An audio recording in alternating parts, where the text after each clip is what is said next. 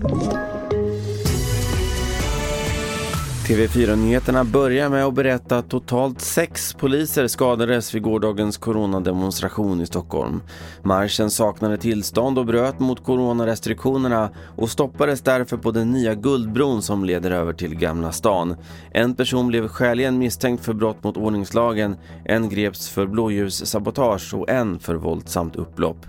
Vidare till USA där senaten igår antog ett gigantiskt stödpaket på 1900 miljarder dollar dollar.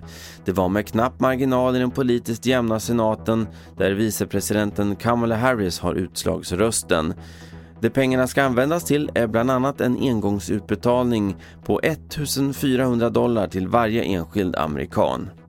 Och för er som inte satt bänkade framför tvn igår så kan vi berätta att det blev förhandsfavoriten Klara Klingenström i sällskap av Paul Ray, Alvaro Estrella och Klara Hammarström som fick de sista finalplatserna när Andra chansen avgjordes igår.